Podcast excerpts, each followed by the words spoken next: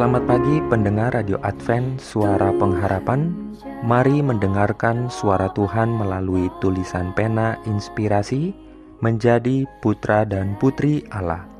Renungan harian 24 Oktober Dengan judul Lapar dan haus akan dipuaskan. Matius 5 ayat 6 Firman Tuhan berbunyi Berbahagialah orang yang lapar dan haus akan kebenaran, karena mereka akan dipuaskan. Mungkin Yesus datang Urayanya sebagai berikut: kebenaran adalah kekudusan, keserupaan dengan Allah, dan Tuhan adalah kasih.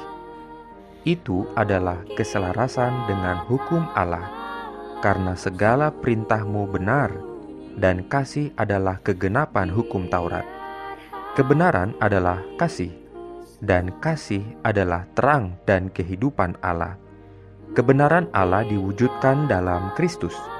Kita menerima kebenaran dengan menerima Dia, bukan dengan perjuangan yang menyakitkan atau kerja keras yang melelahkan, bukan karena pemberian atau pengorbanan kebenaran diperoleh, tetapi itu diberikan secara cuma-cuma kepada setiap jiwa yang lapar dan haus untuk diterima. Tidak ada agen manusia yang dapat memiliki apa yang dapat memuaskan rasa lapar dan kehausan jiwa. Tetapi Yesus berkata, "Akulah roti hidup. Barang siapa datang kepadaku, ia tidak akan lapar lagi, dan barang siapa percaya kepadaku, ia tidak akan haus lagi. Ketika kita membutuhkan makanan untuk menopang kekuatan fisik kita, kita juga membutuhkan Kristus, roti dari surga, untuk menopang kehidupan rohani dan memberikan kekuatan untuk mengerjakan pekerjaan Allah. Ketika tubuh terus menerima makanan yang menopang hidup dan roh, maka jiwa harus terus berkomunikasi dengan Kristus, tunduk kepadanya, dan bergantung sepenuhnya padanya. Ketika musafir yang lelah mencari mata air di padang pasir dan dengan menemukannya memuaskan dahaga yang membara, demikian juga orang Kristen yang haus akan memperoleh air kehidupan yang murni, yang darinya Kristus adalah sumber air.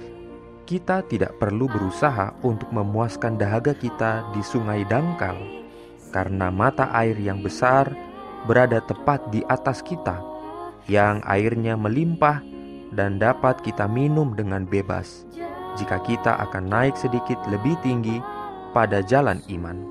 Firman Tuhan adalah sumber kehidupan. Ketika Anda mencari mata air yang hidup itu, Anda akan melalui Roh Kudus dibawa ke dalam persekutuan dengan Kristus.